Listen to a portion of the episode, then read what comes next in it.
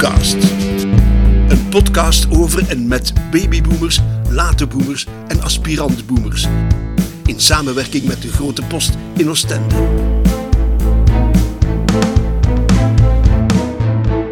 We praten over de rijkdom van de rijpere jaren. Men denkt wel eens dat de pensioenleeftijd een soort lege periode zal zijn. Maar niet voor de pensionada die hun passie meenemen naar de jaren van geluk. Zoals Dirk Chauveau. We zitten op de tweede verdieping van de Grote Post, waar we af en toe bekeken worden door voorbijvliegende meeuwen. Mijn gast Dirk Chauveau is televisiemaker en schrijver van het spannend boek Marseille. Het begon allemaal toch met muziek. Ja, ik ben uh, in uh, 78, uh, volle punkperiode, zijn wij een groep begonnen, Siglo XX, die eigenlijk in de jaren 80 toch wat verroding heeft gemaakt.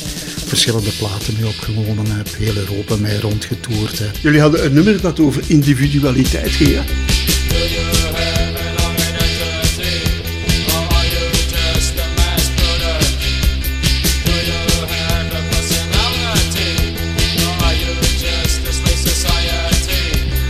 Ja, dat was uh, typisch punk. Hè. Ik bedoel, van uh, een beetje u afzetten tegen de kudde-mentaliteit die er toen bestond. Van uh, conformistisch zijn. En terwijl ik vond persoonlijk toen dat uh, punk net een, een manier was waarop iedereen zichzelf kon zijn. En zeker iedereen zichzelf kon zijn in, in, in de absolute extremiteit. Heel veel jonge luisteraars zullen misschien niet weten wat dat punk was, maar punk was toch heel exuberant, heel kleurrijk, heel expressief, heel hard en zo. En ik vond dat ik daar een nummer moest over schrijven. Maar nu doe je alsof het alleen maar vroeger was. Sta je daar nog achter? 100 procent. 100 procent. En ik vind zelfs het, het meest spectaculaire van heel dit verhaal is van dat een aantal jaar geleden, ik denk een jaar of vijf, zes geleden, dat nummer zelfs nog werd opgepikt door Prada. Wat ik eigenlijk ongelooflijk vond. Prada, het kledingmerk van de Happy Few, van de Yuppies en weet ik veel wat allemaal. En voor een nieuwe mannencollectie kwamen ze ineens bij ons terecht. Hey, mogen wij dat nummer gebruiken? Ja, als daar de juiste prijs tegenover staat, altijd natuurlijk. Maar uh, een van mijn vrienden zei, dus die ook de gitarist in de groep, die zei van ja, zei ongelooflijk hoe het kapitalisme zijn eigen tegenspraak inhoudt. Want uiteindelijk, hoe eindigt het nummer? De laatste zin van de tekst luidt van I will spit on your values. En dan uiteindelijk kom je later, allee, 40 jaar later, terecht op, uh, op een clip van een van de values waar dat we zo, zo fel op spuwden. Dus ik vond, vond ik eigenlijk wel grappig. Daarna ben je in televisie terechtgekomen. Eerst, jammer genoeg, verdwenen Kladderadatsch. Eigenlijk is Kladderadatsch begonnen als een grap. Dat was net met het begin van VTM. VTM werd in begin 89 opgericht en uh, op een gegeven moment was er sprake van dat wij uh, dat we een jeugdprogramma. VTM was op zoek naar een jeugdprogramma. En uh, plotseling stonden die twee peoples bij mij op mijn kamer in Brussel in de Dansartstraat. En uh, zeiden, ja, we mogen misschien uh, we mogen een programma maken voor, voor VTM. En ja, oké, we moeten samen zitten, we moeten brainstormen. En Dirk, en denk eens over een goede titel voor dat programma. Ik zeg, oh shit jongen. Ik zeg, Kladderadatsch. Weet je, Kladderadatsch was een anarchistisch tijdschrift uit de jaren 70. Ik denk, dat is een perfecte naam. Niemand gaat dat au serieus nemen, dat gaat nooit iets worden. Oké, dat jeugdprogramma is er nooit gekomen. Maar een jaar later hadden we wel een productiehuis, hadden we mensen die te werk gesteld waren. En bij de kortste keer, ja, is dat, behoorden wij tot de top 10 van de Vlaamse productiehuizen. konden we samenwerken met Mark Uiterhoeven. Hebben we toenmalige VT4, nu Play 4 zeker, kan je meer goed volgen. Eigenlijk zo goed als opgericht, laten we maar zeggen. Van, uh, we hebben bijna al hun programma's gemaakt. En, uh, en ik moet zeggen van, ja, een grap die uit de hand is gelopen, echt. Want dat was helemaal niet de bedoeling dat wij hey, captains of industry of zoiets zouden worden. Dat waren wij ook helemaal niet. Heb je spijt van, van het televisiewerk achter u te moeten laten? Eigenlijk helemaal niet. Ik was eigenlijk op die moment blij dat ik er vanaf was. Maar wij op het einde, denk zo de periode van 97 tot 99, heb ik op ieder televisiestation, in die tijd was dat dus VTM, VRT, VT4 toen en uh, Filmnet, heb ik op twee jaar tijd bij ieder televisiestation vier verschillende programmadirecteurs meegemaakt. Op ieder televisiestation. Hè. En eigenlijk, eerlijk gezegd, was ik dat wel een beetje beu. Hè, van, uh, en ik was het ook een beetje beu van, um, van een onderneming te hebben. Van op het einde nog meer, eigenlijk vaker met bankdirecteuren rond de tafel te zitten dan eigenlijk echt te kunnen schrijven en televisie te kunnen maken. En dat was ik eigenlijk wel beu. En ten, twee, en ten derde misschien, wat ik ook wel vond, is dat televisie in die periode geëvolueerd is naar een ander soort van televisie dat ik wilde maken. Ik zeg niet dat ik gelijk had hè, en dat mijn idee beter was, maar ik kwam toch meer uit de MTV-generatie en de wat hardere, stoutere. En vanaf die periode, ik noem dat altijd, begon het zo uh, Giro-televisie te worden. En uh, heel veel uh, human interest en reality soaps en van die toestanden. En ik, met alle respect, want zij hebben bewezen dat ze wel gelijk hebben en wij dat we ongelijk hadden. Maar dat was niet het genre van televisie waar ik echt zat op te wachten. Dus, en dan wil een mens soms iets anders, niet zomaar iets. Research toont aan dat geloof, idealen, morele principes en sociaal engagement wat op de achtergrond geraken in de middelbare leeftijd, maar heel dikwijls in volle kracht terugkeren op latere leeftijd. Het is in veel gevallen de aanzet voor een nieuw begin, een back to basics.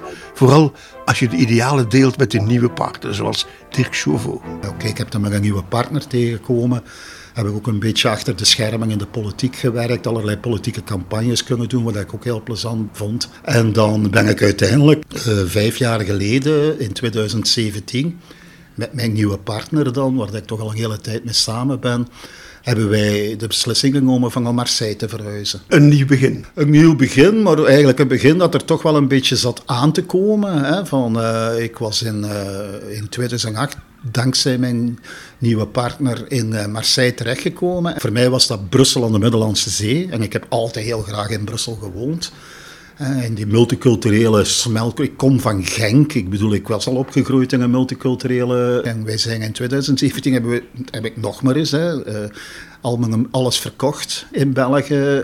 alle schepen achter mij verbrand. En ging ook, de kinderen waren volwassen. Veel mensen zullen zeggen, na zo'n carrière het is tijd om op pensioen te gaan. Hè? Maar zak ik pensioen, pensioen. Jij zit hier ook nog? Ik bedoel, van, kunnen mensen zoals wij ooit op pensioen gaan? Dat is zo... Ah, ik vind ook dat ik een leven heb gehad waar ik eigenlijk nooit het gevoel heb gehad dat ik gewerkt heb. Ja, uh, ik was een hele moeilijke puber. Ik ga een anekdote vertellen. Hè. Ik was een hele moeilijke puber. Toen ik 14, 15 jaar was, eigenlijk viel er bij mij geen land te bezeilen. En mijn vader was kaderlid op Fort Genk. En het jaar dat ik 16 werd, eh, mocht ik vakantiewerk gaan doen op Fort Genk. Mijn vader had ervoor gezorgd. En ik dacht van, wauw, Fort Genk werd goed betaald. Ik ben dus op Fort Genk gaan werken, een maand aan de band. En daarna heb ik nooit meer een buis gehaald. Stel je voor dat ik dat heel mijn leven moet doen. Dus ik vind mensen die dat doen, ik vind dat die recht hebben om echt op vervroegd pensioen te gaan. Ja? Ik, ik heb heel mijn leven gespeeld en ik werd daarvoor betaald. Dus ik bedoel, van, daar gaat je mij niet horen van. En zolang dat ik kan blijven spelen, zal ik blijven spelen. Dus, eh, ja. Ook de Rolling Stones zijn blijven spelen. En met de nodige levenservaring. Keith Richards heeft gezegd... Oké. Keith Richards heeft gezegd... Hoe ouder je wordt, hoe ouder je wil worden. Ik heb net nog een goede een grap over hem. Uh, een goede grap over hem gelezen is van dat op een gegeven moment aan uh, Keith Richards vragen van, ja, zijt je misschien geïnteresseerd in een, uh, in een huisdier? Ja, waaraan had je dan gedacht, vraagt Keith Richards. Ja, ik dacht aan een schildpad. Een schildpad? Hoe oud wordt zo'n schildpad? Ja, toch gemakkelijk 300 jaar. Nee, dat is niks voor mij, want je raakt zo gehecht aan dat diertje en voordat je het eigenlijk weet is het dood. En dan gaat je het erover treuren. Dus ik bedoel, van, uh, je, je bent inderdaad maar zo oud als dat je zelf voelt. Hè, van, uh, een roman geschreven, Marcel, over een Belg in Marseille. En op een gegeven moment, ja, als je een roman schrijft, steek je er toch altijd een stukje eh, van jezelf in het hoofdpersonage. En op een gegeven moment staat mijn hoofdpersonage voor de spiegel. En uh, komt hij tot ontdekking dat hij oud is geworden. Ja, het is ook zo dat mijn hoofdpersonage wordt 105 jaar in mijn boek. Hij zegt, ja, zei hij, dat is heel raar, zegt hij, want ik voel me alleen maar oud als ik in de spiegel kijk. Want als ik niet in de spiegel kijk, hier van binnen, zegt hij, voel ik me nog net hetzelfde als toen ik 15 jaar was. En dat is bij mij ook eigenlijk. Van, ik voel mij van binnen eigenlijk nog altijd zoals die jongen die uh, met zijn fietsking op Fort aankwam. Dat als ik in de spiegel kijk en dan zeg van ja Dirk, eh, hallo, uh, en je ziet er wel niet meer uit toen je 15 jaar was. Dus, dus ik vind van, ik denk ook dat onze generatie ook zoiets heeft van... Ik, word, ik moet wel eerlijk zeggen dat ik een beetje ook zo, ja, zeggen dat in het Nederlands reluctant was hè, van, uh, om, om, om ook dit te doen wat ik nu met jou aan het doen ben, is van ik vind al dat seniorengedoe. Op Facebook krijg ik ineens uitnodiging om lid te worden van de site. Ik ben helemaal niet geïnteresseerd in de site. Weet je. Wat moeten wij nu... Ik, maar dat is ook een beetje mijn, mijn, mijn afkomst en mijn, de mens die ik ben. Ik heb altijd heel mijn leven gevochten tegen de hokjesmentaliteit. Zolang, zolang je gezondheid het toelaat, ja, en in mijn geval heb ik er totaal niet over te klagen, is, uh, is eigenlijk... Kijk, je moet er altijd van uitgaan, hoe moet ik dat zeggen, hè, Ik las onlangs hè, van Caroline Pauwels, is nu net gestorven. In de Koninginnegalerij hangt een hele mooie poster, foto's van allerlei mensen met een quote uit hun leven. En Caroline Pauwels die zegt haar, haar quote is van... What if I fall? Waarop zij antwoordt, oh darling, what if you fly? En dat is het uiteindelijk. Van als je iedere keer van, ervan uitgaat, het gaat niet meer, het gaat niet meer, het gaat niet meer, ja, dan gaat het ook niet meer. Terwijl als je blijft zeggen, het kan nog, het kan nog, het kan nog, dan is er ook een mogelijkheid dat het nog kan. Omdat je nog uiteindelijk tenminste toch de intentie hebt om er nog iets van te maken. Ik, toen met naar Marseille te verhuizen, had ik echt wel de intentie van daar nog iets te doen. Wij doen daar ook iets. Hè, van... Uh, het is niet, was niet de intentie van op Benidorm te gaan en daar in mijn rollator op de kade rond te rijden. En dat was het dan. En voor de rest op in mijn zetel liggen en te wachten tot het licht wordt uitgedaan. Nee, ik, ik blijf gewoon trappen om te zorgen dat er genoeg elektriciteit is, dat het licht blijft branden. Weet je, dat, dat, dat, hangt ook een beetje van jezelf af. Hè. En... De keuze van Marseille zal een beetje verbazen misschien. Hè. In uw boek komt het ook al een beetje, maar zeker in de Netflix-serie Marseille, ja, het is toch allemaal vuile politiek en maffia, wat is het allemaal? Ja, maar, en dat is gelukkig veranderd. En, en dat heb ik ook zelf kunnen meemaken, want wij zijn wel heel actief en heel geïmpliceerd in die stad ook. En uh, ik, ken, ik ken de burgemeester, de nieuwe burgemeester persoonlijk. Ik ken ook de, een aantal schepenen persoonlijk ondertussen. En uh, dat is ook omdat we, vooral met een partner, ik veel minder hoor, heel, heel sterke investeringen in die stad. Ook, we zijn daar een Living Lab begonnen, Moving Marseille waarmee we eigenlijk onderzoeken hoe dat de superdiversiteit, want Marseille is een superdiverse stad, heeft 2600 jaar ervaring met migratie. Dus ik bedoel, heel de wereld kan daarvan komen leren. Migratie, identiteit zijn er geen issues.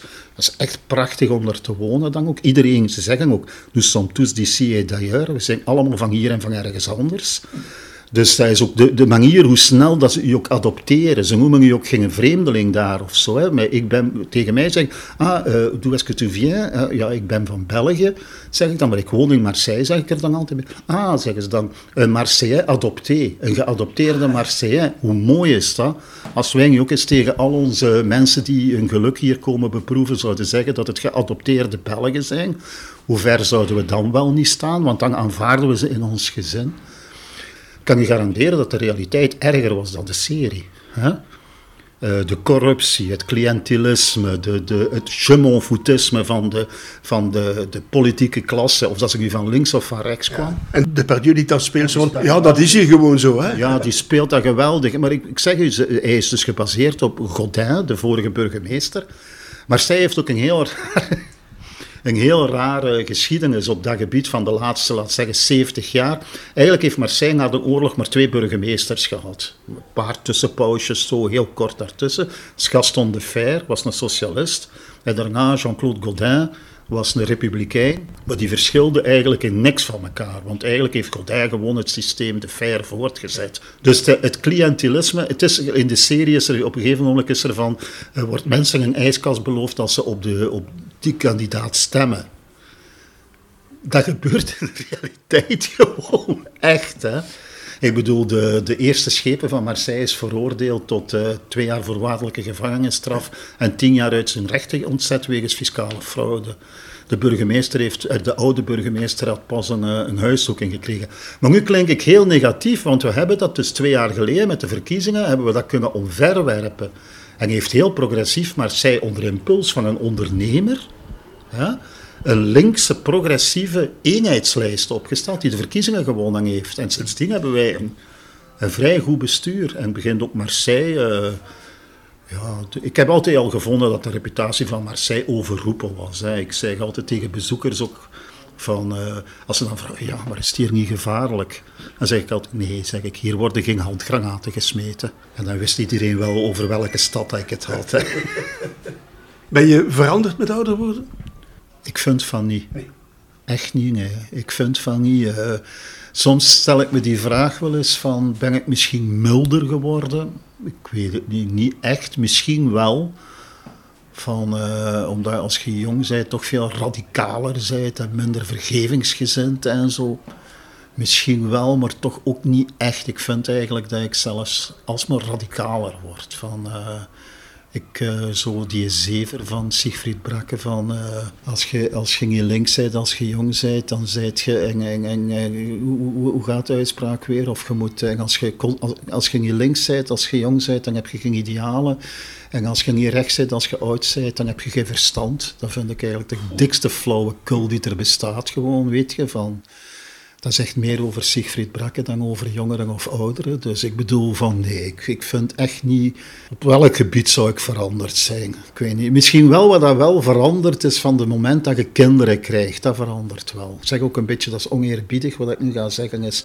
Want dan gaan misschien heel veel mensen geen kinderen meer willen. Is van, vanaf het moment dat je kinderen hebt, zijt je voor de rest van je leven ongerust. En dat, dat, dat vind ik nog het meest...